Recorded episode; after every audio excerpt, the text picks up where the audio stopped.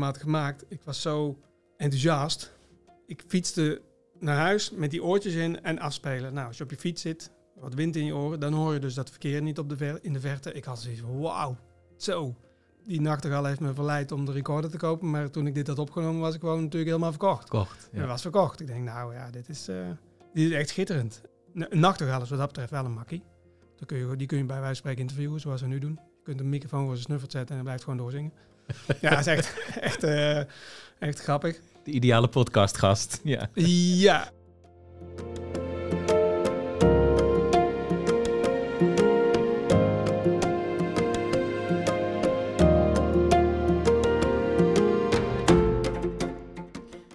Hey, leuk dat je luistert naar Toekomst voor Natuur, aflevering 28. De podcast met spraakmakende verhalen over natuur en natuurbescherming in de lage landen. Met in deze aflevering het geluid van natuur. We staan er misschien niet zo bij stil, maar geluid is echt een cruciaal onderdeel van onze natuurbeleving. Denk bijvoorbeeld maar aan de eerste zang van een merel of een zanglijster, na een lange winter en dan zo'n heerlijke, prachtige ochtend waarop je dat koele geluid weer hoort. Of het geschrie, schrie, schrie van gierzwaluwen op een zoele zomeravond. Nou, ik weet niet hoe het bij jou werkt, maar bij mij werkt het zo. Ik ben dan altijd helemaal weer terug in dat moment.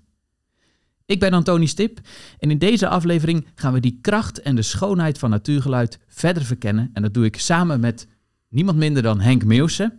En Henk is al 25 jaar recorder, opnemer van natuurgeluiden en hij heeft verschillende cd's met natuurgeluiden in eigen beheer uitgegeven. Hij verzorgde ook de geluidsopnames van enkele bekende natuurfilms, zoals De Nieuwe Wildernis, Wild op de Veluwe en de film Wolf. En Henk heeft ook een app met Europese vogelgeluiden en dat is echt zijn levenswerk geworden. Henk, van harte welkom in Toekomst voor Natuur. Dankjewel. Ik wil om te beginnen, Henk, eens even jou introduceren bij de luisteraars. Je bent opgegroeid op een boerderij aan de rand van het Brabantse Alphen. Hoe is jouw interesse voor natuur eigenlijk ontstaan? Ja, het grappige is altijd dat in het begin was het natuurlijk gewoon. Dat vind ik het wonderlijk. Ik weet nog precies waar voor mij de knip zat, waarbij ik, waar ik bewust de natuur ging waarnemen. En daarvoor, dus dat was op mijn zestiende, daarvoor was de natuur er gewoon. Op een boerderij is de natuur er gewoon. Je leert de huiszwaluw onder het dak, de boerenzwaluw in de stal, de kieviet op het land, die leer je kennen zoals de aardappel in het veld en de stoel en de tafel. Die namen, die vielen gewoon. Dat was geen ehm, bewust leerproces. Toen ik uh, eh, 16 was, dat was een vrij koude winter in 1979. Mijn broer had een camera met een telelens en ik had vetbollen opgehangen en ik ging in de garage achter het garageraam zitten om die vogels op de vetbollen te volgen. Toen zag ik voor het eerst pas, want daarvoor was er, mijn vader had het wel over koolmees en pimpelmezen. ik zag toen pas voor het eerst het verschil tussen een koolmees en een pimpelmees. Ja, toen uh, begon het vuurtje te, te branden.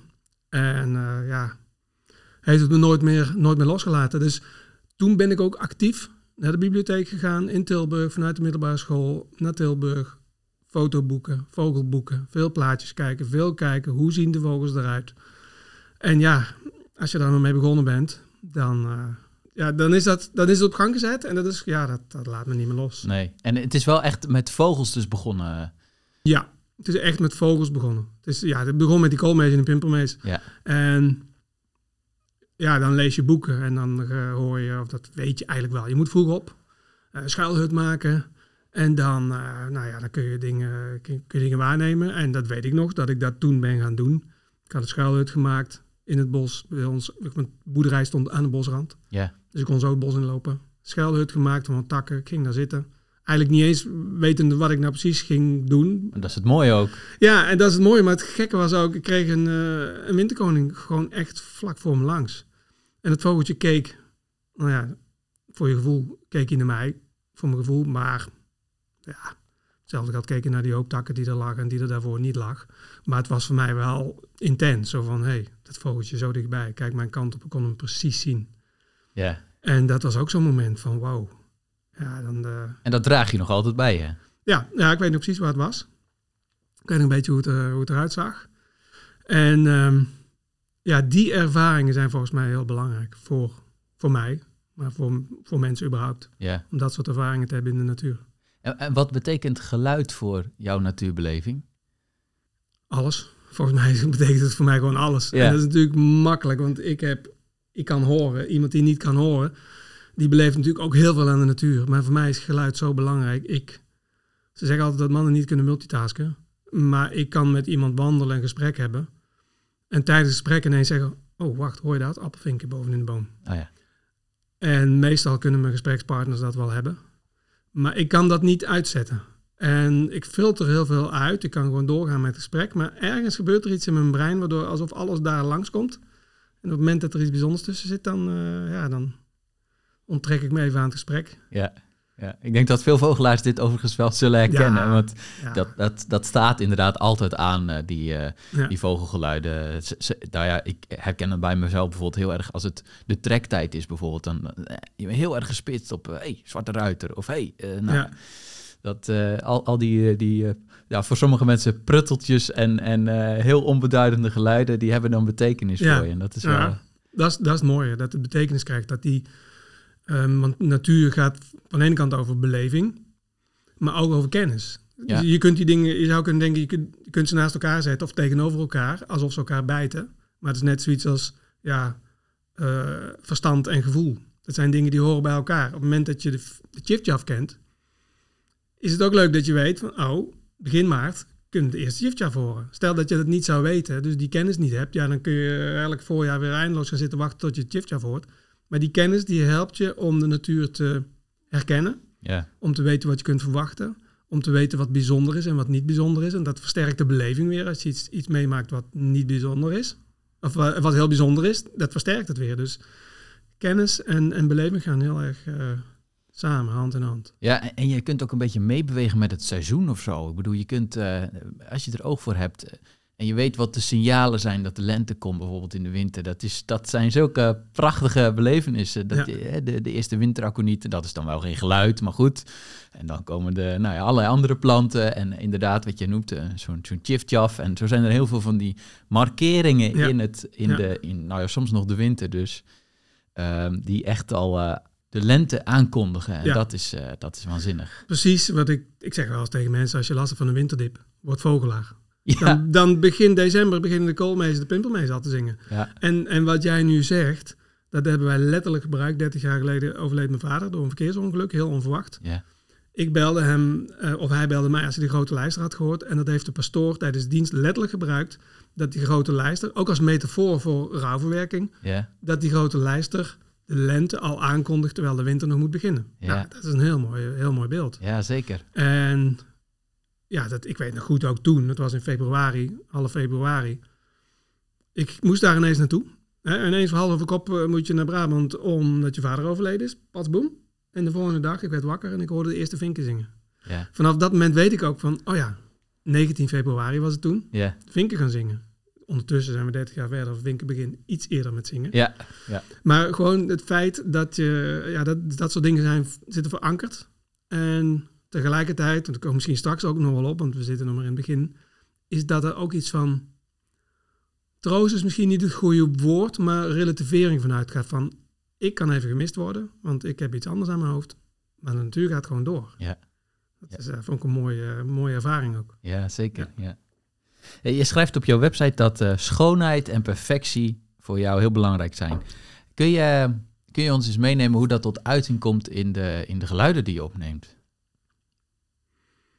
Ehm, nou, het meest voor de hand ligt het als het om schoonheid gaat, is dat ik, als ik met mijn microfoon op pad ben, en dat kan gewoon in de stadswijk zijn, dan kan ik bijna niet voorbij lopen aan een zingende roodborst of een andere zingende zangvogel.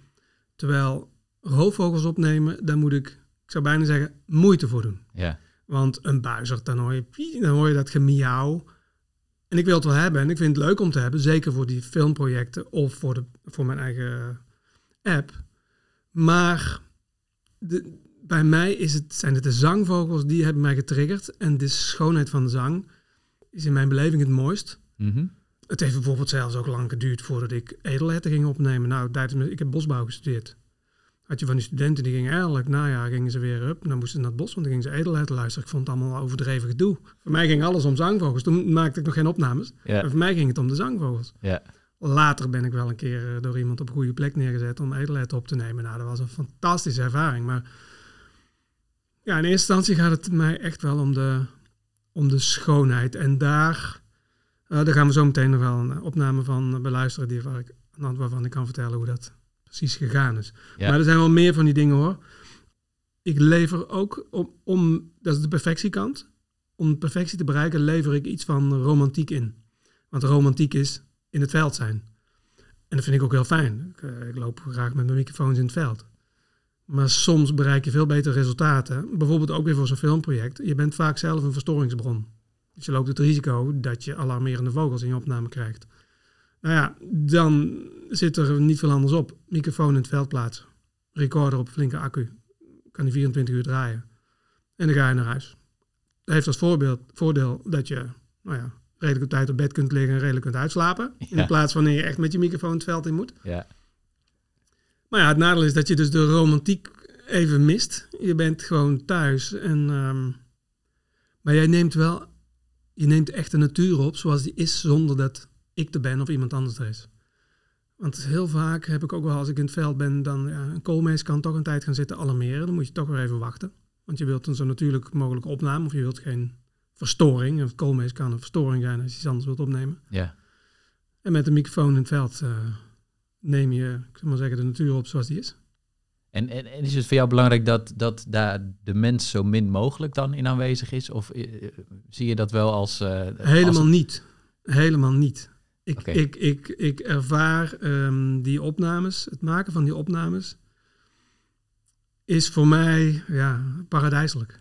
Dat is voor mij echt ik en de natuur. Oh ja. En ik, als je vroeg op bent op zondagochtend. Kijk, vliegtuigen zijn al vervelend en die vliegen s'nachts ook, maar die, dat kan nog een tijdje stil zijn. Maar voor mij is natuurgeluiden opnemen ook echt ik en de natuur. Mijn beleving, ja, echt ook paradijselijk. En niemand anders. Uh, ik heb nu nog een vriendin, maar toen ik wel een vriendin had, die hoeft niet mee. Die kan eigenlijk niet mee. Die moet niet mee, want ik wil alleen zijn in de natuur. Ja. Want ik wil ik wil ergens twee uur kunnen blijven zitten. Of drie uur. Ik wil eindeloos kunnen blijven wachten tot, uh, tot de kruisbekken weer terug zijn in die boom waar ze daarvoor zaten te zingen. En dan wil je niemand om je heen hebben, want of die persoon wordt ongeduldig, of ik ga me generen voor het feit dat ik die ander ja, niet genoeg zie staan en dat we eigenlijk verder moeten. Ik wil gewoon helemaal mijn gang kunnen gaan. Ja, ja, oké. we gaan in deze aflevering ook een aantal van jouw favoriete opnames beluisteren, komen we zo op. Een tip voor de luisteraars overigens. Um, voor een optimale geluidservaring kun je het beste via oortjes luisteren of uh, via een uh, speakertje, een Bluetooth speakertje bijvoorbeeld. Um, voordat we naar die opnames gaan, uh, Henk, ik ben nog even nieuwsgierig. Hoe ga jij te werk als je een opname maakt? Je hebt er net al iets van, van verteld, maar heb jij een bepaalde strategie? Een van de belangrijke dingen die ik doe, is het weer in de gaten houden. Het weer is echt heel belangrijk, want als je nu, je kunt het nu ja, hier buiten, je kunt het al een beetje zien. Dan zitten we hier nog vrij beschut. Het waait nu heel veel. En ik heb al gecheckt, de komende tien dagen waait het veel. Dus de voorbereiding zit hem al in het feit dat ik weet, de komende tien dagen hoef ik het veld niet in. En dat kan voor een filmproject. Ik ben, als ik dan een keer het veld in ga met veel wind, dan ga ik om de wind op te nemen. Dan pak ik, uh, heb ik een tijd geleden gedaan, een beukenbos. En dan uh, zet ik de microfoons onderin. Dan heb je niet zoveel last van de wind. Maar dan hoor je het ruisen van die wind door de bomen. Dat, dat is fantastisch. Ja, waanzinnig. Maar als je daar een keer één of twee goede opnames van hebt... Dan, uh, dan moet er een aardig filmproject voorbij komen... die dan weer komt met bomen die er zo raar ruisend uitzien... dat ik denk, dat past niet bij elkaar. Ja. Maar voor de rest is het veel wind. Dan, uh, ik weet dus de komende tien dagen kan ik weinig gaan opnemen. Dus dat is het begin. Regen moet ik ook sowieso niet hebben. Het hangt er heel sterk af. Kijk, nu ben ik vooral bezig met, met de app, uitbreidingen op de app. Als ik een filmproject heb, ja, dan, dan moet ik soms concreet naar iets op zoek. En bijvoorbeeld voor het Nieuw Wildernis hadden we op een gegeven moment de plek waar Ruben Smit zei, we zijn hier ijsvogels aan het opnemen.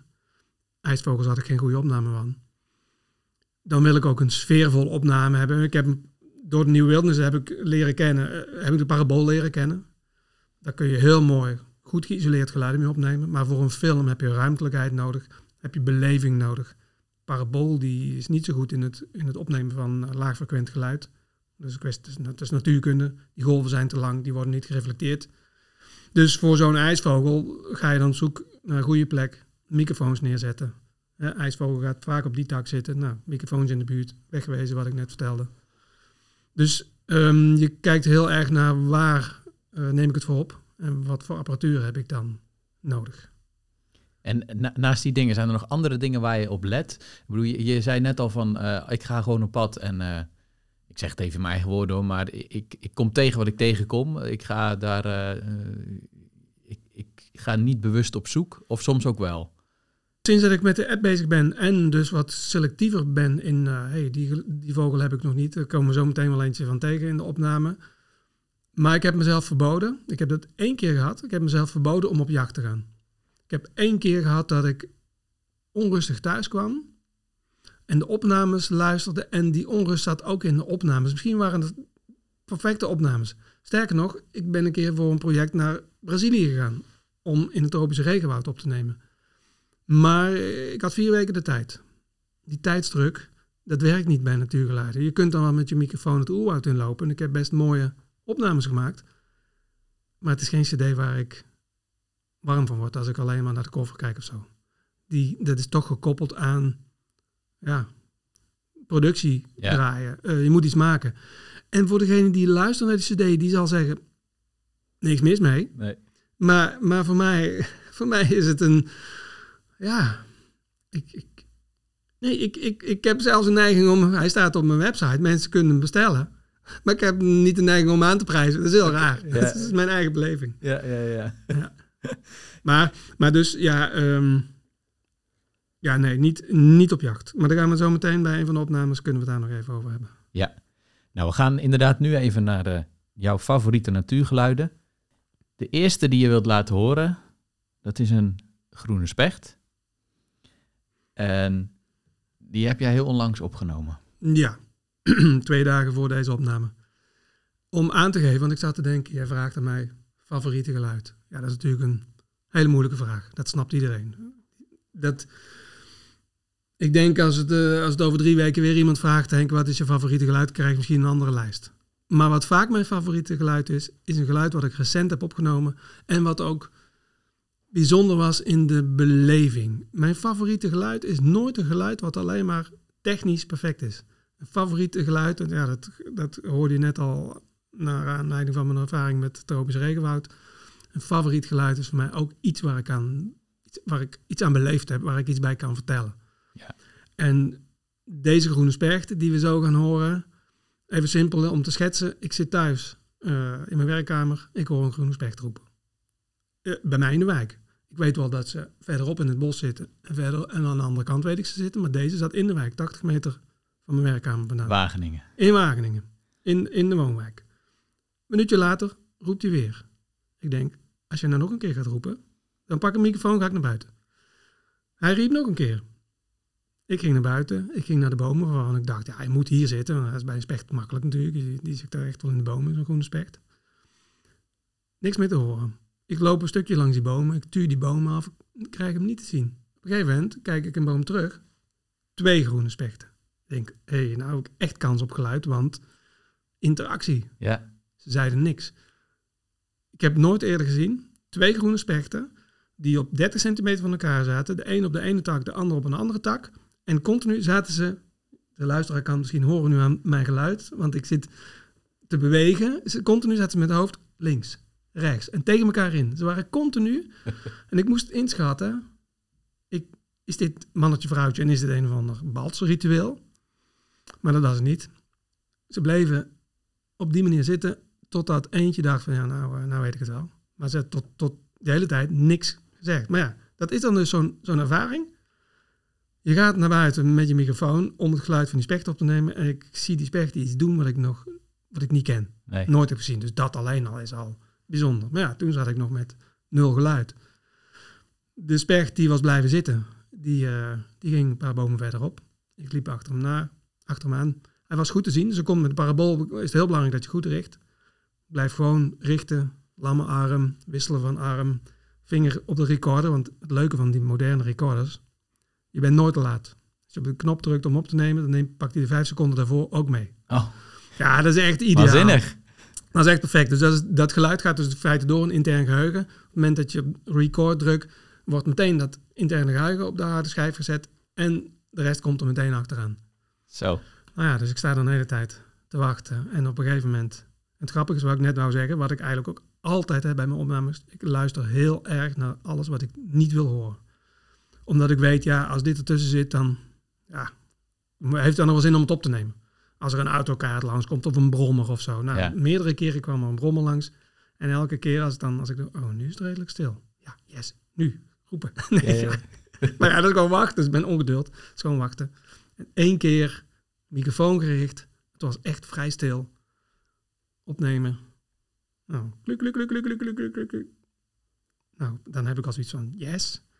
En dan denk ik, nou, kom nog een paar keer. Maar ik heb er nog een half uurtje gestaan, continu gericht. Hij deed het niet meer. Nee. Maar, fantastische opname. Ja. Nou, we gaan er naar luisteren. Even voor de luisteraars, eh, let op. Het fragment, dit fragment duurt niet zo heel lang. Dus eh, zet je hm? schrap.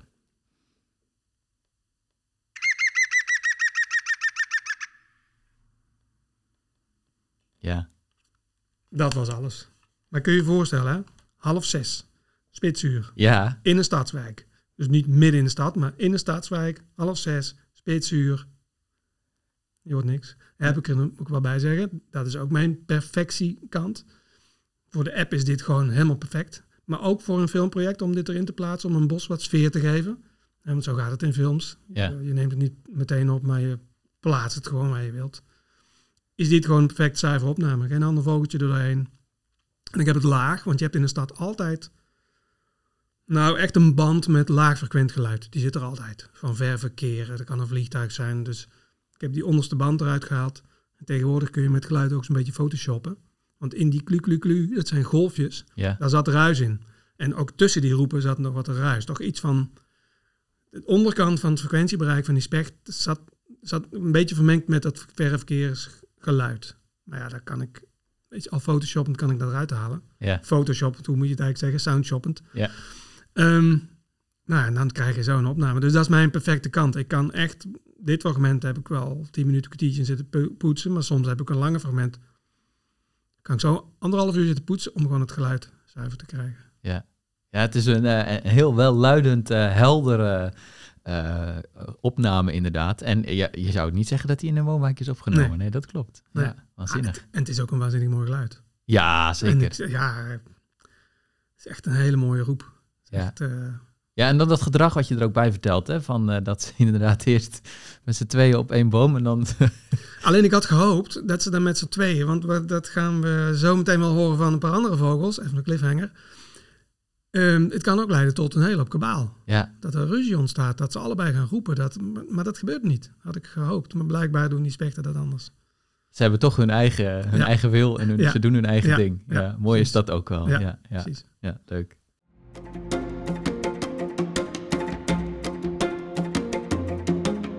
Het tweede fragment wat je wilt laten horen is van een zanglijster. Nou, ik, ik noemde net al even eh, toen ik het, eh, de intro uitsprak, van eh, dat je, zelf heb ik dat in ieder geval, dat je aan het einde van de winter, of eigenlijk soms nog halverwege de winter, echt helemaal kunt opleven van zo'n eh, zanglijster of een merel die dan al soms eerst nog een beetje voorzichtig, maar vrij snel al heel welluidend gaat zitten zingen. Dat is zo'n waanzinnige ervaring. En ik moet er ook altijd bij denken bij, eh, bij zanglijsters aan wat Jack B. Schreef over de zanglijster. Die noemde hem de ontembare zanglijster. Nou, nou ja, zullen we eerst naar luisteren? Henk? Gaan we, we gaan eerst luisteren. Ja.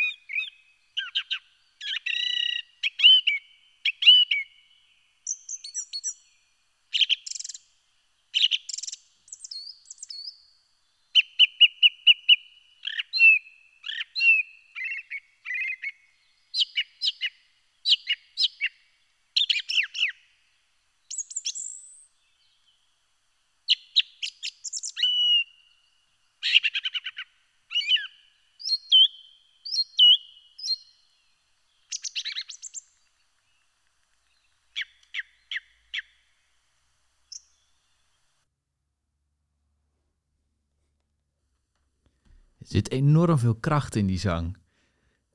Geen bescheiden vogel, hè? Zeker niet. Echt geen bescheiden vogel. Die, die schreeuwt het van de daken. Precies. zit hij... Het zijn meestal de merels die op de daken zitten. Maar eh overdrachtelijk, hij schreeuwt het van de daken. Het- Het is ook zo'n mooie zang. Het is, nou is dit... Ja, misschien voert het een beetje te ver, maar die zanglijsters die kunnen... Ze hebben verschillende zangtypen. En dit, je hoort heel, hier zitten heel veel schelle, schelle tonen in. Soms heb je dat ze gewoon... De zanglijsters zijn bekend om het herhalen. Dus eh titi, titi, titi, titi, puriet. En zo kan het eindeloos doorgaan. Maar hier hoor je ook heel veel scherpe, schelle tonen in. Van Merels heb ik het gewoon soms ook letterlijk zien. Vrouwtje in de buurt, dan gaat die Merel anders zingen. Dan gaat hij dus een... eh, ja, dan gaat hij... Ja, je hebt een hoop vogels, die hebben een soort verleidingszang. Dan, dan richt hij zich echt tot het vrouwtje en dan zingt hij anders. En daar vond ik het bij deze zanglijster ook wel een beetje op lijken. Dat hij echt... ehm, nou moet ik ook zeggen, het was, het was bijna al stikken donker. Ik, was eigenlijk, stond op het punt om weg te gaan. En hij, hij kwam nog even zingen. En zanglijsters kunnen echt, s ochtends heel vroeg, hè, als dat donker is. Zanglijsters, e- eerst komen de roodborsten. De roodborsten zijn vaak net iets eerder dan de zanglijsters. Daarna komen de merels. Maar deze was dus echt een van de laatste die nog zong. Want je, er zat geen roodborst op de achtergrond. Het was, eh, het was vrij stil. En ik heb deze met de parabool opgenomen. Dat kan soms bij dit soort hoog frequent geluid gaat het met de pa- parabool perfect. Je hoort ook nog iets van de galm van het bos. Daar ben ik ook dol op. Dus ik, ik kies de plekken er niet op uit. Maar ik denk dat ik onbewust wel naar bepaalde... Ik kom vaak op dezelfde plekken terug. Want hier was ook een, een bosrand, een beukenbos, wat, eh, wat eiken. En die stammen die gaan, eh, die gaan goed galmen. En dat doen ze vooral bij eh, vogels als, als een merel. Of de lagere tonen van deze zanglijster. En, en ik ben op een of andere manier dol op galm. Niet overdreven, maar iets van een, iets van een echo. Dat geeft zoveel ruimte, dat geeft zoveel sfeer aan een, aan een opname. Zoals je dat ook kunt hebben in een kathedraal of een kerk. Dat als je loopt, dat je je stappen hoort nagalmen. Dat geeft zo'n, ja, het is een bijzondere, geeft een hele bijzondere sfeer. En, eh, en een ander verhaal van de, van de zanglijster, daarom heb ik hem er ook tussen zitten. Kijk, die koolmezen hebben mijn, eh, mijn hoofd, eh, mijn verstand getriggerd door gewoon te gaan zoeken in de boeken hoe zien die vogels eruit. En die zanglijster heeft mijn hart veroverd als het gaat om geluid. Want? Ik stond een keer, ehm, misschien was ik een keer weer op pad te gaan om vogels te luisteren. In het bos, achter de boerderij. Ik stond een keer midden in het bos en er zat een zanglijster. Ik weet niet eens of ik toen al wist dat het een zanglijster was, maar er zat een vogel in een boom te zingen en ik stond eronder. Ik was 16. Ik vond het zo mooi. Ik vond het echt zo mooi. Ik, heb, ik weet niet hoe lang ik daar heb staan luisteren. En ehm, ik geef ook wel eens lezingen en dan zeg ik tegen mensen, ja, 16 jaar, 16 jaar word je toch geacht om, ehm, om naar de meisjes te kijken of naar de jongens als je daarop valt. Maar nee, ik werd, ik werd betoverd door de zanglijster. Echt de schoonheid. En Ja. dat heb ik nooit gemerkt in mijn leven dat ik daar nou zo gevoelig voor was. Ik, weet- ik, ik ben een gevoelig iemand. En dat heeft voordelen en nadelen. Maar in dit geval een, een, een joekel van een voordeel. Ja. Want het opende een soort nieuw perspectief voor jou. eh. Ik wist niet dat het bestond, dat Ja. het zo mooi kon zijn. En ik, ik, ja, bij ons hoorde je natuurlijk merels zingen, maar het was nog nooit zo tot me doorgedrongen. Het is net alsof je, hm, het geldt natuurlijk met meer dingen, dat je er ontvankelijk voor moet zijn. Het is net alsof, je, alsof er ergens een luikje open moet, of open gaat, door Ja. het ervaren van zoiets. En een heel nieuw perspectief biedt van, oh, maar als dit mogelijk is, als dit bestaat, dan is er vast meer. Ja. Maar op dat moment bedenk je dan, dan zit je gewoon midden in het moment. Dat is het ook. Gewoon meer dat paradijselijke. Ik en de natuur. En in dit geval, ik en de zanglijster. Ja. Ja, Ja, dat is echt schitterend. Ja, ehm, dus toen ging het geluid voor mij nog een grotere rol spelen. Dan ging ik ook echt oefenen met eh, vogels herkennen aan het geluid. De volgende opname die je wilt laten luisteren is de eerste die je maakte. Ja. Wil je daar eerst wat over kwijt of wil je er eerst naar luisteren? Nou, ik kan even er iets over kwijt. Ehm, het was toen 1998. Hè? We zijn nu 25 jaar verder. Ja, In april, heb ik, in april heb ik echt een, een jubileum. Maar een aantal jaren daarvoor had mijn, eh, mijn broer Johan, die had gezegd... Goh Henk, je hebt tegenwoordig minidisc players. Daar kun je digitaal geluid opnemen. Hoge kwaliteit. Van vogels bijvoorbeeld. Terwijl ik dacht, heb, heb ik het ooit over gehad dat ik vogels zou willen opnemen? Oké, ik ben dol op vogelgeluiden. En ik ging vaak alleen op pad om te luisteren en te kijken. En het enige wat ik kon bedenken was dat wij ooit, maar toen was ik nog een stuk, toen was ik 14 denk ik. Toen zaten er in Brabant op, op de plek waar ik dan woonde nog enkele eh, nachtegalen. Die waren echt aan het, aan het verdwijnen. Nu zijn ze helemaal verdwenen. En toen ben ik ooit met mijn vader, en ik weet niet wie er verder nog bij waren, met een, zo'n ouderwetse cassette recorder op pad geweest om een nachtegaal op te nemen. Dus het enige wat ik kan bedenken, dat zijn opmerking daarmee te maken had. Van weet je nog, toen zijn we een keer een nachtegaal gaan opnemen. Met een minidiscplayer kan dat nu veel mooier. Ja. Dus minidiscplayer gekocht. Dat was een half jaar later of een jaar later. Ik heb het echt gewoon even laten rusten of niet meer bezig gehouden. Totdat ik op de, aan de rand van Wageningen hadden we een paar plekken. Daar zongen nog nachtegalen. En daar fietste ik een keer langs. En die nachtegaal heeft me waarschijnlijk getriggerd. Dus eh, je hoort het. De Winnenkoning heeft me getriggerd. De zanglijster heeft me getriggerd. En ik denk dat deze nachtegalen die aan de rand van Wageningen zaten te zingen, die hebben mij getriggerd om dan toch maar eens een recorder te kopen. Toen heb ik een microfoon kunnen, kon, heb, ik heb kunnen proefdraaien op een, met een microfoon. Gewoon om te kijken hoe het is. Dus dit was eigenlijk nog ja, een mini-displayer die ik eigenlijk amper kende wat ik ermee kon. En een microfoon die ik even kon gebruiken om even een proef te draaien. Kijken hoe dat, hoe dat gaat. Nou, dit is echt gewoon de allereerste opname. En Ja. daar zitten dus nog geluiden tussen die ik eigenlijk liever niet wil horen. Nee. Maar ik dacht, voor deze keer, nu moeten ze erin blijven. ja, precies. In zijn puurste vorm Ja. komt eh, de eerste opname.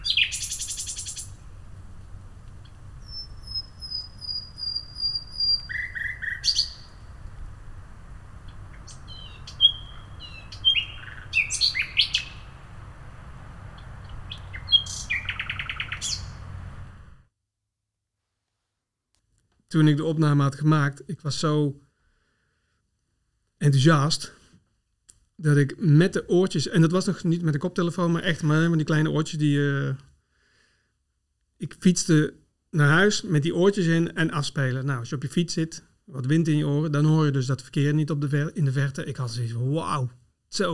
Nou ja, toen was ik dus op dit, eh, ik bedoel, die, die nachtegaal heeft me verleid om de recorder te kopen, maar toen ik dit had opgenomen, was ik gewoon natuurlijk helemaal verkocht. Kocht. En dat was verkocht. Ik denk, nou ja, dit is, eh, dit is echt schitterend. En, en wat je...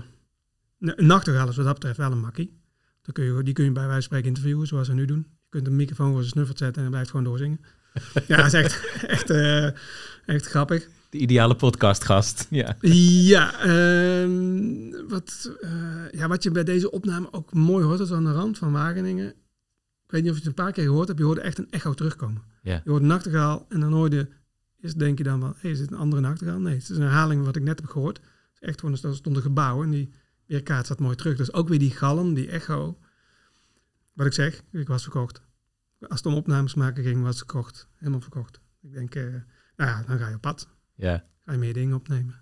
En, en was je sindsdien echt gelijk... eh, had, je, had je hem toen ook vaker bij je of zo dan? eh, of, of nam je hem standaard mee dan? Of, Nee, nee, ik, ging echt op pad. Ik ging, eh, ja, wat ik nu zeg, weer in de gaten houden.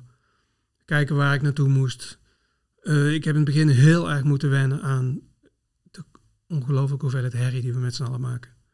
Dat ik echt in het begin de- de neiging had om een keer tegen een boom aan te trappen als er weer een vliegtuig overkwam. Maar ja, ik heb geleerd dat het gewoon, ja, dat heeft geen zin. En ondertussen vliegen er nu eh, meer vliegtuigen dan 25 jaar geleden. Ja, Het is echt iets, en dat is pijnlijk, maar echt iets waar je dan bij neer moet leggen. Soms moet je denken, oké, vliegtuig, even wachten. Ja. En ik heb nu geleerd, nu weet ik gewoon als ik het hoor, ah, maar dit, deze vogel met het hoogfrequente geluid, ik kan het vliegtuig wel even door laten vliegen en doorgaan met opname, want dat kan ik wel uitfilteren. Maar als een specht roffelt of een, een hommel straks, de eerste hommels weer gaan zoomen in de, in de bosbessen, Ja, Komt een vliegtuig over, nou ja, dan kan ik wel stoppen. Want als het vliegtuig eronder uit filtert, dan klinkt die specht, die van de specht of het zoomen van die hommel, klinkt niet meer. nee. Dus eh, daar heb ik heel erg aan moeten wennen. En dus ook echt bewust van geworden. En dat, dat ja, was wel goed om daar bewust van te worden. Van, oh ja, we maken met z'n allen dus heel veel herrie. En is het voor jou daarom ook moeilijker geworden om die perfecte opname te maken? Omdat er dus veel meer omgevingsgeluid is die Ja. je niet per se wilt. Eh, zeker, zeker. En ik heb dus wel geleerd om, om te fine-tunen en te poetsen, te, te soundshoppen. Te, maar dat voelt toch... Nou, het is ook moeilijker geworden omdat de ervaring minder paradijselijk is, zoals ik straks noemde. Ja, Als je elke, op de Veluwe, als ik daar mijn microfoon neerzet, bijvoorbeeld om een keer Edelheid op te nemen. Op een gegeven moment wist ik, in mei kan het heel vroeg licht worden. En dan kun je al eh, eind mei, begin juni, kwart over vier beginnen. En mails beginnen dan te zingen. Dan kun je een tijd wel wat opnemen. Dan heb je een kwartier geluid, dan komt er een vliegtuig over. Maar ik, ben de tijd, ik weet niet meer precies hoe de tijd, welke tijd erbij hoort. Maar laten we zeggen half zeven, zeven uur. Op een gegeven moment is het af en aan een vliegtuig. En dan mag je blij zijn dat je in een uur tijd ehm, van dat uur vijf minuten geluid hebt zonder storing, zo, zonder vliegtuig. zo. Ja, dit is echt heel... En de Veluwe, ik weet, daar zit vast een aanvliegroute. Je kunt in Friesland, Groningen, Drenthe, is, is het soms nog beter dan de Veluwe. Maar de Veluwe heeft als voordeel dat je, als je op de goede plek bent, de snelwegen en de wegen echt wel ver weg zijn. Ja, Maar ja, krijg je die vliegtuigen over je heen.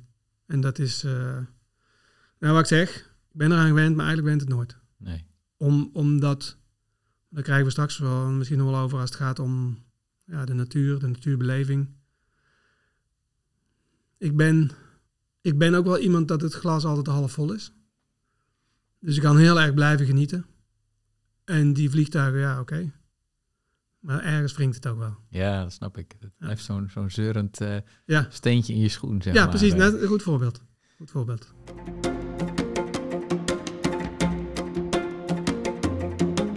Ik zie jou je smartphone pakken om gewoon de opname af te luisteren. Dan hebben we natuurlijk ook altijd nog Zweden. Een mooi land waar het echt nog stil kan zijn. En ook wel af en toe een vliegtuig. Maar daar... Even een sta- klein stapje terug. Toen hier de vliegtuigen niet mochten vliegen omdat de Eyjafjallajökull ik heb echt geoefend om die naam uit te kunnen spreken voor het geval ik het een keer over wil hebben. De Eyjafjallajökull-uitbarsting, hè? ik weet niet welk jaar dat was. IJsland 2009, denk ik. Ja, nou, daar heb ik dus gebruik van gemaakt. Ja, dat geloof ik. Want ik denk, nou moet ik naar de Veluwe, nou moet ik een mooie roffelende specht opnemen. En ik zag ook echt, want ik, als ik thuis mijn geluiden bewerk, dan, eh, maak ik gebruik van sonogrammen. Dus dan kan ik het geluid zien. Dan zie je gewoon onder in die band met, dat, met dit, eigenlijk die continue dreun die we hebben hier. Die was toen veel minder. Dat kon ik meteen zien. Ik denk, ja, dit begint op Zweden te lijken. Ja. En COVID-tijd dan misschien ook. Was Ja, ook een, ook. eh, Covid-tijd heb ik goed, eh, echt, echt gewoon een, een andere zanglijst op kunnen nemen. Met een microfoon gericht. En dan eh, viel het me echt op. Deze track duurt al 10 minuten. Ik sta hier al 10 minuten onder een zanglijster. En ik heb nog geen vliegtuig gehoord. Kun je nagaan, dat is, dat is maar 10 minuten. ja. En dan was ik al blij. Goh, 10 minuten achter elkaar. Ja. Ja, ja dus elk, elk nadeel heeft zijn voordeel. ja, zeker. Ja. ja. We gaan nu luisteren naar een, eh, een hele bijzondere opname.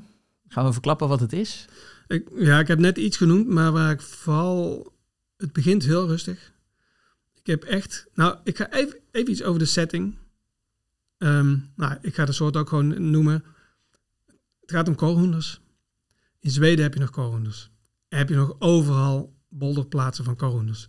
Ik ben op zoek gegaan naar een plek waar ik koolhoen zou kunnen opnemen. Ik heb drie dagen nodig gehad om erachter, om erachter te komen. De microfoon moet op de bolderplaats staan. Dus de eerdere keren had ik wel, oh, in dit veentje, het was niet eens zo'n groot veen, veengebiedje. Echt drassig. Ja. Beetje, beetje links zelfs, over pollen lopen en zo. Ja. Met eromheen een bos, dat ga je horen. Ik, ik, ik zeg het er nu bij, want extra letten op, op de galm. Want anders ga, zouden mensen kunnen denken van, oh, laat nog eens een keer horen. Ja. De galm, de sfeer. Ik heb de recorder neergezet. Ik heb, dat zeg ik ook altijd bij, vind ik zo leuk. Zwitser zakmes. Zit een zaag op. Heb je nooit nodig. ik had hem nodig. Want ik denk, ja, ik wist wat de bolderplek was. Dat had ik eh, een beetje uitgezocht. Ik heb een boompje, een dennetje. Dat staan aan de rand van zo'n veen staan van die de- dennetjes te, te kwijnen. Want het is, het is te nat. Gewoon een laag dennetje. Afgezaagd. Onderste takken eraf. In de prut gezet op die, op die bolderplek.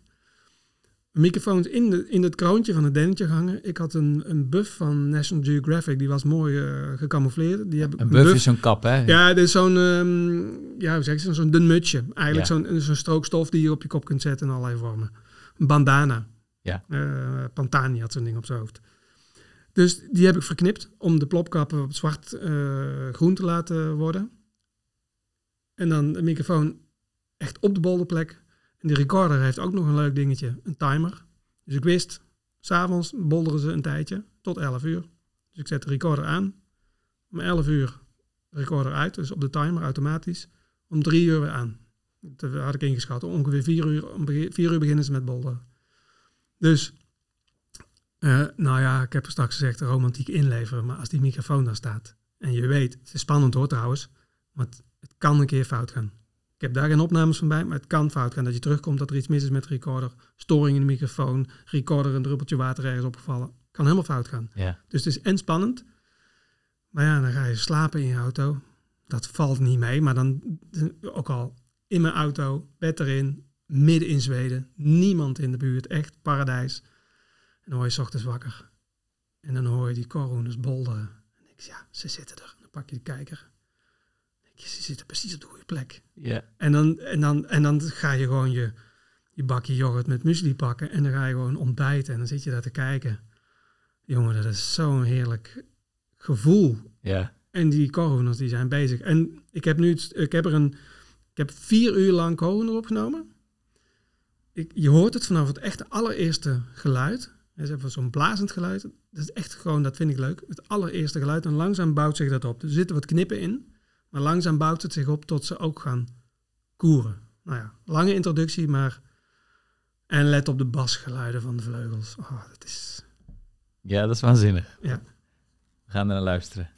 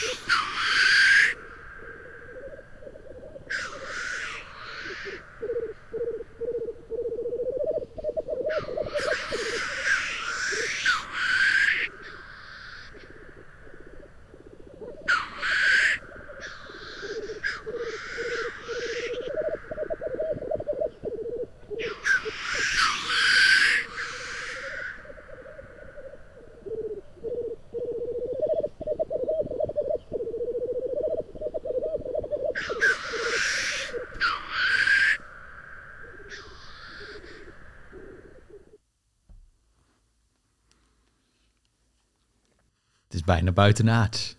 Ja, het is, het is, het is, sommige mensen zouden kunnen zeggen, ja, het is toch niet per se mooi. Het is geen zanglijst of zo, maar ik, ik vind het, dit is gewoon qua sfeer. Als ik dat nu weer hoor ook. Die, dat, dat geblaas. Iedereen kent de koren natuurlijk van dat koeren, maar dat blazen, joh, dat, en dat galmt zo mooi na in die, in die in, ja, het zijn maar dunne, dunne dennenboompjes. Ja. Wat ook opvalt is dat, zit best dichtbij, maar dat gekoer, als je het gekoer mag noemen, is niet eens zo luid. Dat, dat, dat draagt heel ver.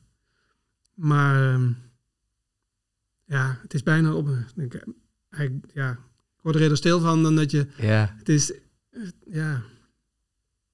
Ik weet, ik, ik- ja, ik heb nog precies een beeld van hoe dat eruit zag en hoe dat daar was. En, en, eh, nou, en het feit, want de eerdere keren had ik de microfoon dus iets verder weg staan. Maar dan werd het één borrelende kookpot. Al het geluid ging helemaal door elkaar heen. Ja. Dan nu hoor je de individuen. Je hoort ze aankomen. Je hoort, nee, daar landt er een, daar landt er een.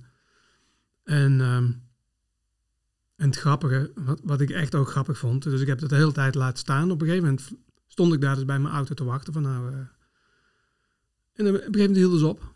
Maar toen kwamen ze dus gewoon met acht of negen overvliegen.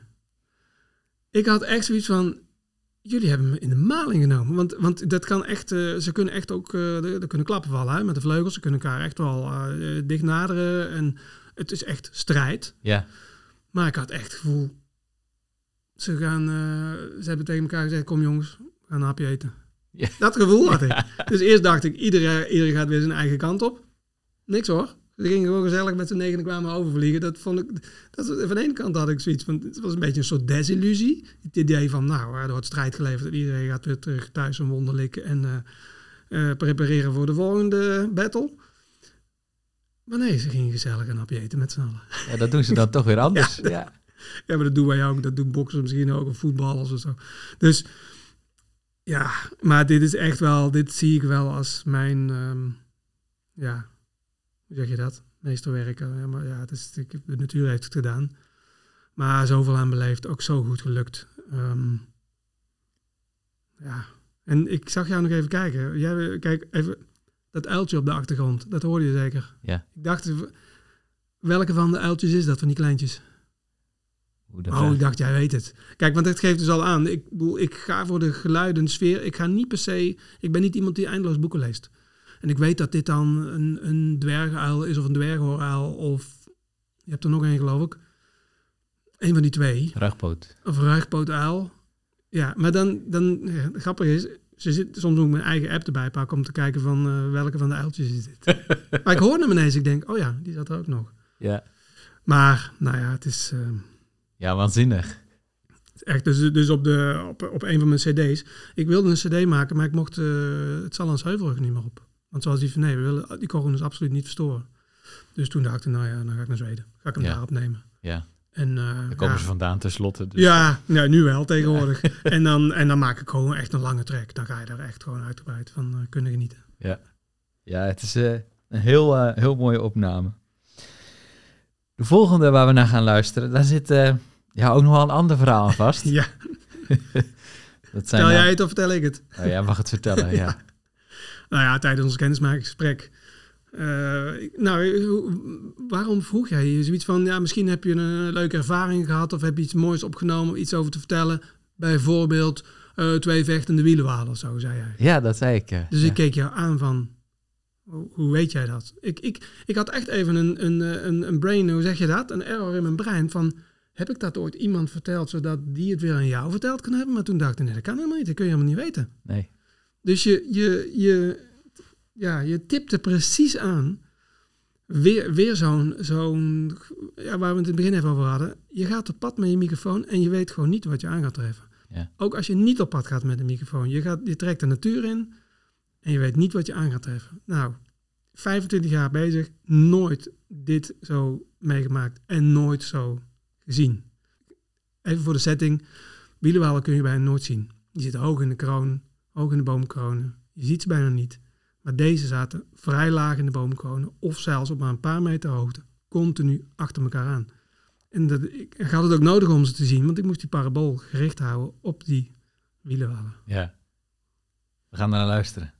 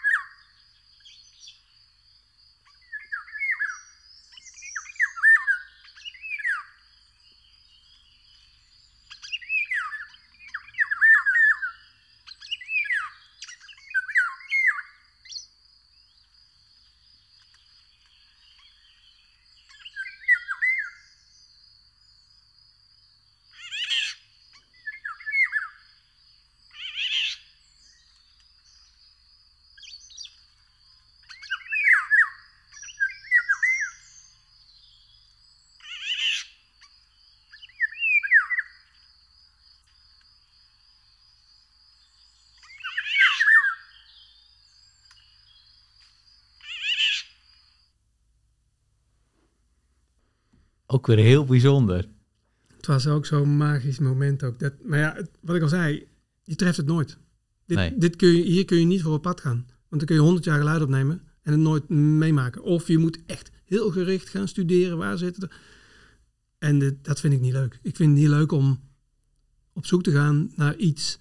Dan heb je meer kans op een tegenvaller. Dat je denkt dat je teleurstelling hebt. Nee, de omstandigheden. Dit was in Frankrijk trouwens. Hè, even meer richting het zuiden van Frankrijk. Helemaal windstil. Het was, het was verder perfect. Het was zondagochtend denk ik vroeg. Dan is het sowieso rustig. Ja, de omstandigheden. Je hoorde in de verte hoor je wat veldkrekels. Die, kan niet, die kan, heb ik er een beetje uit kunnen drukken. Want soms is de natuur of andere geluiden vind ik dan toch jammer. En dit, voor de app vind ik wel leuk om gewoon dat zuiver te hebben. Maar het, ik, in een gegeven moment nu, want ik hoorde er even iets anders in dan eerst dacht ik, het lijkt ook een gesprek. Het lijkt ook een discussie of een gesprek. Ja, ze zaten echt wel, eh, ze zaten waarschijnlijk op de grens van het territorium. Ze waren aan het, aan het uh, bakkeleien van, uh, ja, tot hoe ver mag jij en tot hoe ver mag ik? Waar, hoe gaan we dit doen? Dus, um, maar ja, dan vind ik het wel leuk dat ze hun zang gebruiken om dit uit te vechten. Ja. Want dat, ja, klinkt echt wel... ik had alleen soms, ik heb nu ook met andere oren geluisterd, dat ik dacht, het is soms alsof ze die twee tonen, als die, dat er iets van interferentie ontstaat, dat die tegen elkaar ingaan en dat je iets van, dat het gaat schuren. Ja. Dat ik dacht van, oh, is dat een beetje, maar ja, als je daar staat, joh, en ik had ze al gehoord en ik was daar, um, ik had hem al opgenomen. En wat ik dan niet na kan laten, ik zeg altijd tegen mensen, ga alsjeblieft niet met een app geluiden afspelen om vogels te triggeren. Die van vogels raken in stress. Maar ik heb één uitzondering. Als je het met je eigen stem kunt, of fluitend, en bij wielenwal lukt het nog niet eens zo goed. Dus ik had een paar keer Tidelio gefloten. Hoe doe je dat? Ja, dat lukte dus niet zo goed. Maar je moet eigenlijk... Ja, je moet echt... Uh, het lukt... Het, het lukt ja, dus dat valt niet mee. Nee. Maar toch, wielenwalen die zijn daar wel toe te triggeren. En ik weet niet of dat het heeft veroorzaakt. Ik, dus ik had het gedaan en ik hoorde niks meer. Ik denk, ik loop terug naar mijn fiets, ik ga weer verder. Ik was bij mijn fiets. Toen hoorde ik er ineens twee. Ja, toen dacht ik, nou, nou weer even terug. Ja, Ja. snap ik. ja. ja, en ik, ik hoorde ook nog een, uh, ik denk een hommel of zo op een Ja. gegeven moment. Uh, Ja. eronder zo. Uh, Ja. Vind ik op zich ook wel weer sfeerverhogend, want dat hoort Ja. ook wel bij de setting. Ja, weet je wat het moeilijk is bij dit soort dingen? Ehm, kijk, voor een film wil je dat erbij hebben als dit in een film terechtkomt.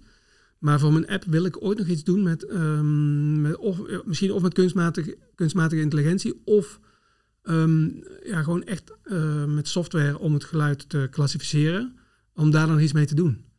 En dan wil ik de opname gewoon heel zuiver hebben. Ja. Zodat je, ja, als je er iets met software op wilt doen, dan moeten er geen storende geluiden in zitten, want die worden dan geïnterpreteerd als horende bij de wielen wel. Ja. Maar ik krijg wel eens mensen te horen, Henk, je geluid is soms, soms wel te zuiver. Oh, echt? Maar in een app vind ik het belangrijk dat je hoort wat je moet horen. En dan is de sfeer even iets minder belangrijk.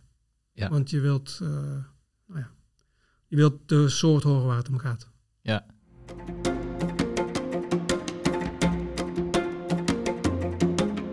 We gaan naar de laatste, het laatste fragment wat je wilt laten horen. Ga ik ook even iets over vertellen. Ik denk dat de setting het anders maakt om naar te luisteren. Gewoon dat je, want dit is een roofvogel waarvan ik straks al zei, ja, die geluiden zijn niet zo bijzonder. Die zijn niet per se mooi. Dus daar ga ik niet per se voor op pad. Maar ik, ik ging, ik, om een andere reden zat ik al in, in het zuiden van Frankrijk. Maar ik wist dat daar grijze wouwen voorkwamen. En die grijze wouwen stond hoog op mijn lijstje voor in de app. Want ze trekken naar het noord, ze trekken onze kant op. Ze denken zelfs al van, uh, nou, het zou kunnen dat ze over tien jaar hier ook broeden. Ze zijn echt uh, onze kant op aan het bewegen. Maar hij zat niet in de app. Ik kon ook elders gewoon, soms gebruik ik geluid van anderen. Ik kon het niet zo goed vinden. Dus ik denk, nou ja, ik kan hem tegenkomen. Maar ik had al bedacht, ik ga niet jagen. Nou, ik was een weekje daar bezig. Ik zou een grijze wouw vliegen. Ik hé, hey, interessant. Als er nou nog eentje bij is, dan heb ik misschien kans op interactie. De volgende dag terug naar dat gebied. Twee grijze wouwen. Hey. En ze waren af en toe aan het roepen. In het veld. Een boom 150 meter verderop. Ik kon met mijn parabool richten. Ik dacht van nou, daar kan ik wel wat aan poetsen. dag later, en misschien zelfs dezelfde dag, stond ik daar dus nog gericht met mijn parabool. Komt er een man aan rijden. Wat bent u aan het doen? Steenkolen Engels, steenkolen Frans. Ik zeg, ik ben de vogels aan het opnemen. De grijze wouw. Oh, dat is dus bekend. Want dat is, toch, dat is toch bijzonder. Want als er gewoon willekeurig iemand langskomt. Toen zei hij, die broedt hier in die boom. en ik keek zo in de verte. Nee, niet daar. Hier. In deze boom. Ik zeg, daar sta ik al anderhalf uur onder. Om op te nemen, omdat ik dacht dat ze in die boom moesten zijn. Wat bleek? Ze moesten die boom hebben waar ik onder stond. En ik stond daar dus in de weg. Dus ik dacht, oh shit, ik, ik hoop dat ik ze niet verstoord heb. En hij zei, uh, ja, het nest zit... Uh, hij, nee, ik ben later gaan kijken naar het nest. Het nest zat drie meter boven mijn hoofd. Dus die, die grijze wouwen, die, mij, die, die daar een beetje op mij stonden te schelden... Drie meter boven mijn hoofd zat het nest. Ik had het niet gezien. Het is ook niet, het is geen, geen horst, het is geen grote roofvogel. Dus het valt ook niet op. Het is een takkige boom, een nest daarin. Dus ik, als de, wie de weer gaat weg, vanaf een afstand gekeken, wat, uh, wat gaan die vogels doen? En toen had ik door dat ze een, paal, zo'n elektriciteitspaal, of, of, uh, telefoondraad, daar zaten ze vaak op. Dus toen dacht ik, de volgende dag terug, parabool richten op die paal. En dan hopen dat er, uh, nou ja, dat ze daarop terechtkomen en gaan doen wat ze voor mij dan tenminste moeten doen. En dat is gelukt.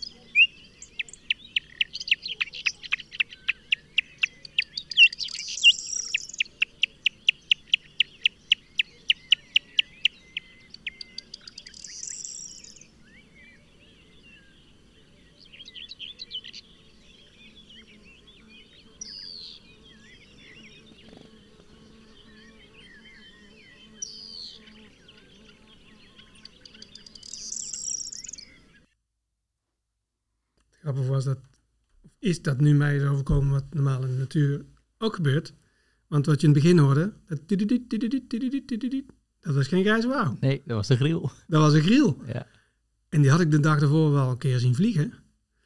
Maar dat is ook, want die parabool die is echt richtingsgevoelig. En dat was allemaal, ik, die parabool heeft er vier uur gestaan. Uh, ja, ik heb in mijn auto erbij gezeten. Op 200 meter afstand. Gewoon klemskantje mee. Gewoon als een, gewoon, nou ja, zitten eten en wat zitten drinken. Continu aantekeningen gemaakt. In een kwartiertijd is alles gebeurd wat ik moest hebben. Ik heb nu een stukje eruit gepakt. Ik heb expres die grill erbij gepakt om aan te geven. Je gaat, uh, je gaat voor het een het veld in en die grill die komt gewoon in zijn vlucht zo roepend voorbij. Krijg je gewoon cadeau, bonus. Ja. En van die vier uur is precies één kwartier geweest dat die grijze wouwen uh, op de paal zaten. Uh, dit was de roep van het uh, mannetje. Dat, dat beetje fluitachtige, die fluitachtige toon. En dan dat chuk, chuk, chuk, chuk, dat is ook het mannetje. Um, maar ze hebben op die paal, ik twijfel een beetje, ik denk paring. Maar het kan ook een prooioverdracht zijn geweest met roepend vrouwtje en een roepend mannetje. Maar ja, verder is deze ook leuk vanwege de sfeer. Want jij hebt met je grauwe gorzen. Er zitten grauwe gorzen tussen. In Nederland zijn ze ongeveer uitgestorven. Dus daar heb je de grauwe gorzen er gewoon tussen zitten. Je hoort de grauwe gors op een gegeven moment ook alarmeren. Je hoort alarmroep van die, van die grauwe gors. Uh, wat zat er nog tussen? Hop. Een hop. Je hoorde een hop op de achtergrond. Een hommel kwam op een gegeven moment nog langs. Ja, dat zijn van die hele leuke... Uh, ja, dit, deze heb ik expres er ook voor de sfeer bijgepakt. Kijk, die grijze wouw, wat ik al zei, het is niet per se mooi. Maar ik heb wel dagenlang nagenoten. Gewoon ook weer van de, de manier waarop ik erachter kwam dat hij daar zat. Ja. Door die man, uh, dat ik daar uh, wegging en ging kijken, wat doet het beest precies? Erachter kwam, ik moet bij die paal zijn. Dan die parabool, die dus gewoon 10 meter onder, dat, onder die paal zit. En wat het grappig was, hij komt aanvliegen. Ik zie dat hij naartoe vliegt. Ik wist niet precies wat ze aan het doen waren. Ik had niet meteen door dat het oké was. Ik heb later moeten terugluisteren en dan ik dacht van yes, het is gelukt. Maar toen mijn autoraampje stond die kant op gericht, hè, dus uh, ik wijs nu naar rechts. Terwijl de, de microfoon stond voor. Dus ik kon niet rechtstreeks horen van komt het geluid nu vandaar? Of, dus ik had niet precies eh, door wat er gebeurde. Maar wat ik wel zag, wat ik ook grappig vond, die grijswouw komt aanvliegen, die wil naar die paal. Die komt vlak bij die paal. Die maakt even een korte schrikbeweging. Dus die, die, die, maakt, die wordt die microfoon gewaar. Dat kon niet anders. Die vliegt één keer een rondje. Hij vliegt even rond. En gaat daarna op de paal zitten. Dus dan zie ik, oh, dat heeft hij snel, uh, heeft hij snel geaccepteerd. Ja. En ik heb nog ergens een opname dat er eentje gewoon paal langs komt. Echt paal langs en vlak bij de parabool nog een keer, uh, nog een keer roept. Maar ja, je, het is onbeschrijfelijk. Wat, wat ik, ik, was daar klaar. Ik denk, nou, ik pak mijn spullen. Ik ben even een stukje echt weggereden. Echt een stukje in de auto zitten, even na. En toen ben ik uitgestapt. En dan, en dan iets van ongeduld, iets van spanning. Van, ik wist, ik had een aantekening gemaakt. Ik had zelf bijgehouden. Hoe vaak komt hier een auto langs? Hup, auto, zo, laat weer een auto. Dat was dus, uh, nou, ik zeg maar, acht, acht auto's per uur. Een landweggetje. En dat was het spitsuur. Dus dat was heel druk. Um, wist ik, ik moet ongeveer zo laat beginnen met luisteren. Ik, was echt, ik kon niet stilzitten. Ik ben ijsberend gewoon over zo'n bospad. Ben ik zitten wachten. op een gegeven moment, ah, daar komt hij. En dan ga je. En dan denk ik, wow, dit is echt dan, dan, dan, Ja, ik weet niet wat er dan door je heen gaat, maar. Was zo. En het wonderlijke vond ik. Ik vond het voor mezelf ook wonderlijk, omdat ik denk, ja, het is niet per se mooi. Het is een. Ja, maar gewoon de hele setting en het feit dat, het, dat die grijze wauw stond echt dus gewoon bovenaan op mijn wishlist. Ja. En, en zo mooi. En gewoon ook een paar dagen nodig had om, om ze te vinden. Om, en om te kijken van hoe ga ik deze opname maken. En ook gewoon dat het dan lukt. Ja. Dat het, ik ben wat dat betreft, wat ik net zei, ook um, het glas is half vol. Ik, ja, dat klinkt dan bijna als een pessimist. Dat ik denk van, ik prijs mezelf altijd gelukkig als het gelukt is. Maar uiteindelijk ga ik zo lang door totdat het lukt. Ja. En alle keren dat het niet lukt, dan denk ik, dit hoort erbij. Dan voel ik niet iets van teleurstellingen. Ik heb een keer, toen ik begon met mijn microfoons... Um, toen had ik, uh, want ik in het begin uh, wat microfoons geprobeerd... maar op een gegeven moment heb ik gewoon microfoons laten maken door iemand. Gewoon uh, het beste van het beste. Gewoon microfoons laten bouwen. Maar die waren gevoelig voor condens. Nou ja, en als je vroeg in het veld bent, dan heb je condensvorming. Ja. En ik stond daar, de microfoons begonnen te pruttelen. Shit. Goede microfoons en om het minst of geringste begonnen ze te pruttelen. Maar ik hoorde door dat gepruttel heen, hoorde ik, wat is het hier mooi. Het was echt perfect stil, ergens op de Veluwe. Ik hoorde de mogelijkheden, alleen dat gepruttel zat er nog tussen. Ja. Dus je leert ook wel om tegenslagen te accepteren en om terug te komen van een microfoon die op een perfecte plek staat om burlende edelheid op te nemen, maar midden in de nacht druppelwater erin, niks anders opgenomen dan. Oh ja. En in de verte hoor je dan nog hoe mooi het had kunnen zijn. Ah, toen was ik al even dan, maar ja, dat hoort erbij. Die Ja. teleurstelling hoort erbij. Zonder die teleurstellingen zijn die, die successen volgens mij ook wel eens iets, eh, iets minder. Ja. Maar ja, dit hier heb ik zo lang van nagenoten van deze grijze wauw. ja, dat geloof ik, ja. Eind, ja, echt gelukt. Ja. Ja, echt gelukt. En, en, en ook de andere dingen, want die hop. Ik was daar gewoon in Frankrijk en ik ben gewoon elke dag op pad getrokken. Elke dag in mijn eentje, microfoon mee, op de fiets. Hè, want ik, ik ga met de auto naar een plek toe, maar dan ga ik uiteindelijk ga ik rondfietsen. En dan, nou, het is zo heerlijk. Het is zo heerlijk om in eentje de...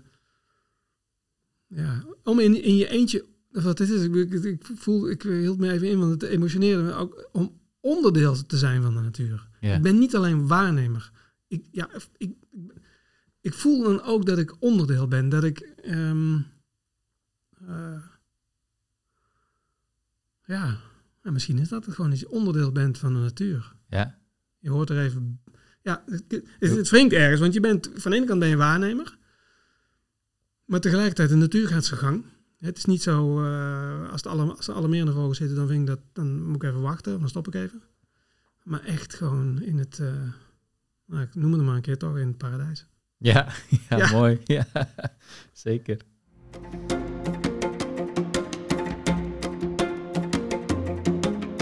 Henk, we hebben nu een eh, aantal schitterende opnamen van jou gehoord. Ik vraag al mijn gasten ook altijd om een leestip. Heb jij een leestip voor de luisteraars? Nee. Kijk, ja, ik ben zelf niet zo'n lezer. Dat klinkt misschien raar. Ik lees graag over vogels. Maar nou, laat ik zo zeggen, ik kom van een boerderij en we speelden ontzettend veel buiten. Ik had een vriend van de basisschool, die las boeken. Ik dacht, dat is toch wel sneu als je boeken moet lezen. Want ik zag, ik, ik dacht, hij leest boeken omdat hij niet op een boerderij woont. Want als je op een boerderij woont, dan heb je een bos achter het erf. Dan ga je toch naar buiten, ga je Ja, spelen. ja. Later begon ik door te krijgen dat er mensen zijn die van lezen houden. Maar ehm, nee, ik heb, ik heb geen leestip. Maar ik zou denken, ruil af en toe een keer een leesmoment in voor eh, een tochtje door de natuur. Kijk. Want ehm, het is niet uitwisselbaar natuurlijk, want je kunt s'avonds lezen als het donker is. Dan kun je trouwens ook naar buiten gaan. Maar ja, ga de natuur in. Dat, dat, en dat doen mensen misschien toch al, maar nou ja, laat dat de tip zijn. Ja, Dat is een hele goede tip. Laat die boek een keer liggen en eh, ga eens naar buiten en ga eens waarnemen. Ga eens kijken, luisteren, voelen. Ja. Ik ben ook wel benieuwd, hoe kijk jij nou naar de, dis- de discussies die op dit moment spelen in onze maatschappij over natuur in onze samenleving? Hè, deze podcast is Toekomst voor Natuur. Hoe kijk jij naar die discussies? Het feit dat er zoveel discussie is, vind ik eigenlijk al genoeg zeggen. Het, het is. Wat ik, wat ik. De natuur is, is voor mij gewoon het soort. is een basis. Mhm. Eigenlijk denk ik, we, we komen als mens net kijken. We, de natuur was er al voor ons. We zijn te gast. Of wat ik ook een hele mooie uitspraak vind, die is heel bekend. We hebben de natuur, of de aarde, niet gekregen van onze ouders, maar te leen van onze kinderen, van onze kleinkinderen. Ja. Dus de natuur was er, wij zijn te gast. En als ik dan zie hoe wij ons als gasten gedragen en hoe er discussie ontstaat over dingen waarvan ik denk, daar zou geen discussie over moeten bestaan. We moeten natuurlijk eten en we willen recreëren, we hebben ruimte nodig. Maar ik vind dat in die hele discussie en, en hoe mensen naar natuur kijken, als basis zou moeten gelden. Dat we allemaal ons continu bewust zijn van het feit dat de natuur er eerder was. Wij later zijn gekomen. En wij kunnen oogsten, de natuur kunnen gebruiken voor ons doel. En ik denk dat je dan minder discussie had en dat je dan een heel andere visie had van, ook vanuit de politiek. Eigenlijk, eigenlijk moeten wij als mensheid en als mens in relatietherapie. In relatietherapie met de natuur. En dit emotioneert mij, dit voel ik echt. Als je echt zou luisteren naar wat er, wat er eigenlijk gebeurd is. Wij zijn in therapie. We hebben de natuur tegenover ons. En de natuur zal zeggen: Je hebt me vervuild. Je hebt me gebruikt. Je hebt me misbruikt. Dat is echt hè, met alle plastic, met alle PFAS, alle zooi die we overal achterlaten. We moeten in relatietherapie in therapie met de natuur. En omgekeerd, wat kunnen wij zeggen? Ik denk dat wij in het beklaagde bankje zitten. Als, als, als je dat mag zeggen van een relatietherapie. Dat moet natuurlijk helemaal open zijn en luisteren naar elkaar. Maar als, we, als je dat beeld even vasthoudt in relatietherapie met de natuur, dan hebben wij toch wel heel veel uit te leggen. En heel veel waarvan ik denk, het is niet uit te leggen. En wie is dan de therapeut in, dit, eh, in die therapie? Nou ja, nee, dat zou gewoon... Kijk, er zijn mensen die zeggen, de natuur moet rechten krijgen. Ja. Dat moet iemand zijn die dus in feite gewoon onpartijdig is. Die dus de mens kan eh, eh, begeleiden in, in de therapie. En de natuur kan begeleiden in de therapie. En dan zul je er als mens achter komen. We zijn echt gewoon... Stel, stel het, je ziet de natuur als je partner. Dan kun je niet anders zeggen dan, dan sorry. Sorry. Ja. echt. Ik begin... Het is, Ja, ik ja, voel ja. het weer. Het is echt sorry. Sorry, sorry, sorry. Ja. Het moet anders. Ik ga mijn leven beteren. Dat zouden wij dan als mens of als mensheid moeten zeggen. Ja. Ja, we hebben in, eh, in deze podcast ook een eerdere aflevering over rechten voor natuur eh, gemaakt. Eh, voor de mensen die dat interessant vinden, dat is aflevering 22 met Jessica den Outer, die daarover eh, vertelt wat dat betekent. En kan het, kan het helpen als we dat aspect schoonheid weer meer gaan waarderen of misschien meer terugbrengen in de, in de discussie? Misschien is de discussie dan snel voorbij, maar denk je dat dat helpt? beleving van schoonheid kan mensen natuurlijk een sterkere band met, met de natuur geven. Zo, zo werkt het bij mij. Schoonheid en verwondering. Verwondering, want het is toch onmogelijk. Ja, als je soms natuurdocumentaires ziet, dan zie ik dingen voorbij komen en denk ik, dat nooit geweest. Dat ik soms bijna denk, maar dit is fake. Ja. Dit is genept. Maar dan zijn er echt bepaalde dieren die zo'n soort zo'n gedrag hebben wat zo wonderlijk is. Is dat je er alleen maar van kunt denken, ja, maar dat is toch zonde. Hier moeten we toch wel voorzichtig mee zijn en zuinig op zijn. En ons bewust van zijn. Kijk, er is een andere kant. Ik had ook bedacht, voor mij is de natuur wel een beetje heilig. Maar dat wil niet zeggen dat elke boom heilig is. Of dat je, dat je, dat je niks meer kunt. Ja, we moeten eten. Er zal af en toe een boom sneuvelen. Dus er zijn ook mensen die zitten dan helemaal aan die kant waarvan ik denk, ja, um, oké, de natuur is heilig. Maar als we binnen de dingen die we nodig hebben rekening houden met de grenzen. En van de andere kant, het gaat niet alleen om de natuur. Het gaat uiteindelijk om onszelf. Ja. Want wat ik niet snap, dat het mogelijk is geweest dat er microplastics in cosmetica of tandpasta of weet ik wat hebben gezeten. Dat de hele zee vol drijft met plastic.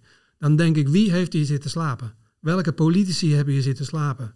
De markt, ja, de markt. We kunnen het aan de markt ook. Ik heb wat dat betreft totaal geen vertrouwen in de markt, ook niet in de politici. Het is allemaal geld gedreven. En zolang, we, zolang het allemaal geld gedreven is, we goedkoop eten willen hebben. En dan hoor ik, met, ik, ik allemaal meteen stemmetjes. Ja, maar dan kunnen de mensen die niet zoveel verdienen het niet meer betalen. Daar moet de politiek voor zorgen dat dat wel kan. Maar we zijn verslaafd. We zijn verslaafd aan geld. We zijn verslaafd aan alle dingen waarvan de marketeers zeggen dat we ze moeten hebben en dat we daar geweest moeten zijn. We worden compleet gek gemaakt. Met als gevolg dat er een hoop rotzooi in de natuur terechtkomt, waar we uiteindelijk zelf voor betalen. Maar we wilden een goedkoop product. Dus ja, als je een goedkoop product wilt, dan betaal je het via de belasting weer terug, want dan moet het worden opgeruimd. Als het al lukt om het op te ruimen. Ik denk dat het echt alleen maar. Het moet weer bij iedereen van ons. En dan vraag ik me eens af, ja, hoe? Dan ga je dan misschien vragen, hoe gaan we dat doen? Hoe gaan we ervoor zorgen dat mensen die schoonheid kunnen ervaren, die verwondering. Moet je er een keer op gewezen worden misschien? Ik denk dat je er alleen op gewezen moet worden dat je, dat je naar buiten moet. Ik denk dat heel veel mensen, zoals je eigenlijk gewoon, eh, want um, een gids kan je van alles vertellen. En je kunt van alles uit boeken lezen. Maar ik denk, het is iets persoonlijks. Ga zelf naar buiten. Ga ruiken, ga proeven, ga voelen. Ga in je eentje de natuur in.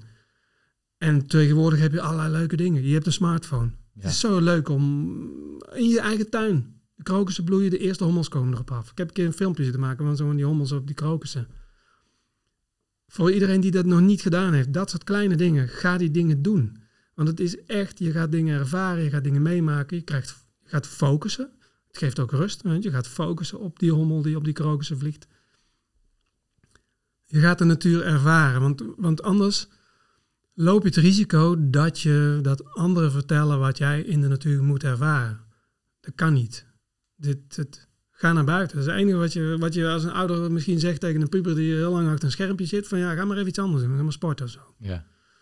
En dan denk ik, kijk op scholen kun je wel eens doen met kinderen. Gewoon moest, moestuintje op school, mee op pad. Um, maar ik heb soms wel een hard hoofd in. Als ik dan, als ik mensen zie uh, van A naar B zie rijden. En dan is van A naar B is, ja, de, is dan natuur even heel breed. Hè? Um, gewoon, er kan ook een boerenland zijn waar, ja, waar ook vogels zitten te zingen. Met oortjes in, met...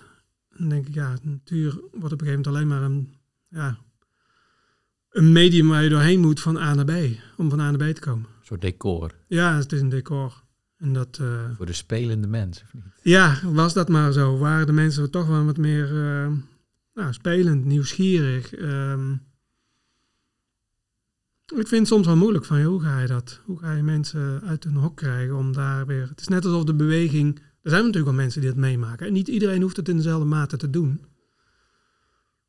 Maar ja, ik zou het wel fijn vinden als mensen wat uh, meer in de natuur doorbrengen. En liefst alleen. Nou ja, ik, ik denk dat bijvoorbeeld COVID heeft daar wel een, eh, een, een rol in gespeeld. Ja. Wat, je, wat ik bijvoorbeeld veel in mijn omgeving zag in het rivierengebied, dat er veel meer mensen dan normaal eh, rondjes gingen wandelen. Er Ja. eigenlijk dus op uittrekken, trekken, Ja. wat jij net zegt. Ja. Het gevolg is natuurlijk wel, als iedereen dat eh, doet, dat je een soort in een treintje achter elkaar Maar aanloopt. blijft je paradijselijke ervaring als je, als je een nummertje moet trekken. Ja, Precies, dus, dus ja, daar, daar zit natuurlijk een grens aan waarbij je... Ja, je loopt ook tegen de grens gewoon van Nederland aan. Dat Ja. we gewoon met Ja. echt wel veel mensen op een heel klein oppervlak eh, wonen. Ja. En dat eh, die paradijselijke ervaringen waar jij aan refereert... eh, steeds moeilijker ook zijn eh, te, te, te ervaren. Ja. Omdat we gewoon met zoveel zijn en met zoveel wensen ook. eh. Maar ik denk dat, dat ehm, ik, iedereen kent uit zijn leven dat er sommige ervaringen je nooit meer vergeet.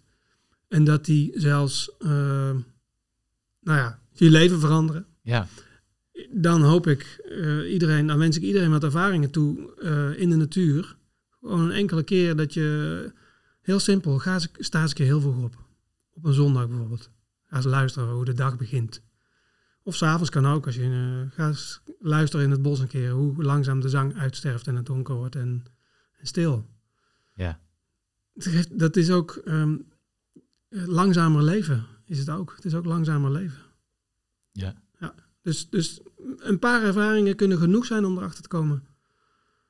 Ja, oh, hier is echt wel iets eh, wat, we, wat we moeten koesteren. Ja. Wat is er volgens jou ehm, nodig om de natuur in onze lage landen toekomstbestendig te maken? Ja, dan komen we toch weer. Ja, lage landen.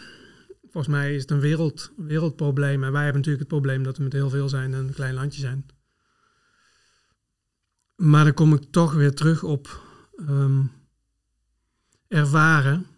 Maar ook, en dat is een andere kant van deze tijd, is dat we heel veel lange tenen hebben en iedereen snel gekwetst is en dat iedereen snel, ik denk, ook luisteren naar elkaar. Natuurliefhebbers luisteren naar de boeren, boeren luisteren naar de natuurliefhebbers. We moeten het met elkaar doen. Ja, En, ehm, en er is veel mogelijk. Als je kijkt om je heen, als je op, op, social media, op LinkedIn zie ik altijd filmpjes voorbij komen van, van iemand die laat zien hoe je kunt boeren met, met aandacht voor de natuur. Hoe je, ehm, wat er allemaal mogelijk is. Het, het, probleem wordt heel groot als je meteen, als het, met, het, wordt geframed. En als je het gaat framen, dan wordt het probleem heel groot. Want de natuurliefhebbers die denken, ja, maar dan, eh, dan gaan we onze natuurgebieden afpakken. En de boeren die die zeggen meteen van, ja, maar dan kunnen we helemaal niet meer boeren.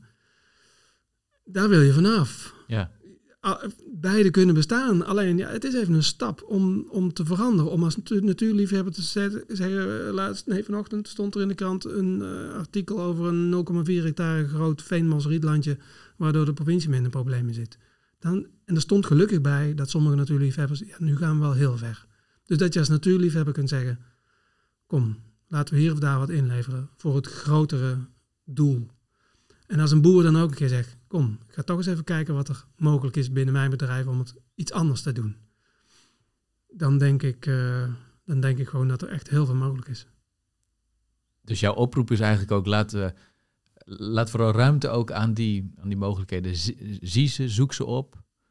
Ehm, Zie dat we elkaar nodig hebben en schiet niet meteen in de kramp. En die wordt soms veroorzaakt door de andere partijen. Door met het wijzende vingertje, jullie Ja. doen het fout. En, ehm, wat ik zelf ook nog wel eens moeilijk vind, maar dat is een van de dingen die in die managementboeken staat. Probeer eerst te begrijpen en dan begrepen te worden. Terwijl iedereen nu tegenwoordig wil vooral begrepen worden. ja. Wil vooral bij de ander tussen zijn oren krijgen hoe het zit. Maar probeer eerst eens een ander te begrijpen. Probeer eens te luisteren naar een ander. En schiet niet in de kramp van, oh, maar dan kom ik niet aan het woord. Dat, dat, dat ken ik zelf ook. Ik ben Ja. zelf ook een oude hoor. En dan is het voor mij ook een oefening van, probeer eerst eens naar de ander te luisteren. En vertrouw erop dat je zelf ook aan de beurt komt. En ehm, dus ja, we moeten uit die kramp schieten. Ja, dit is, dit is heel mooi dat je dat, eh, dat, je dat zo zegt. Want eh, het is de- een van de allermoeilijkste dingen, denk ik, eh, om als mens je zo op te stellen. Maar het is wel, deze tijd schreeuwt erom dat, Ja. je, dat je je zo opstelt. Ja. En eh, ik vind dat een heel mooi einde van deze aflevering. Ik wil je heel hartelijk danken, Henk, voor het fantastische inkijkje wat je gegeven hebt in ja, jouw manier van natuur beleven. En ook eh, ja, van die hele mooie, meeslepende geluidsfragmenten die we gehoord hebben. Heel veel dank daarvoor, Henk Meeuwsen, voor jouw inkijkje. Dankjewel. Dankjewel.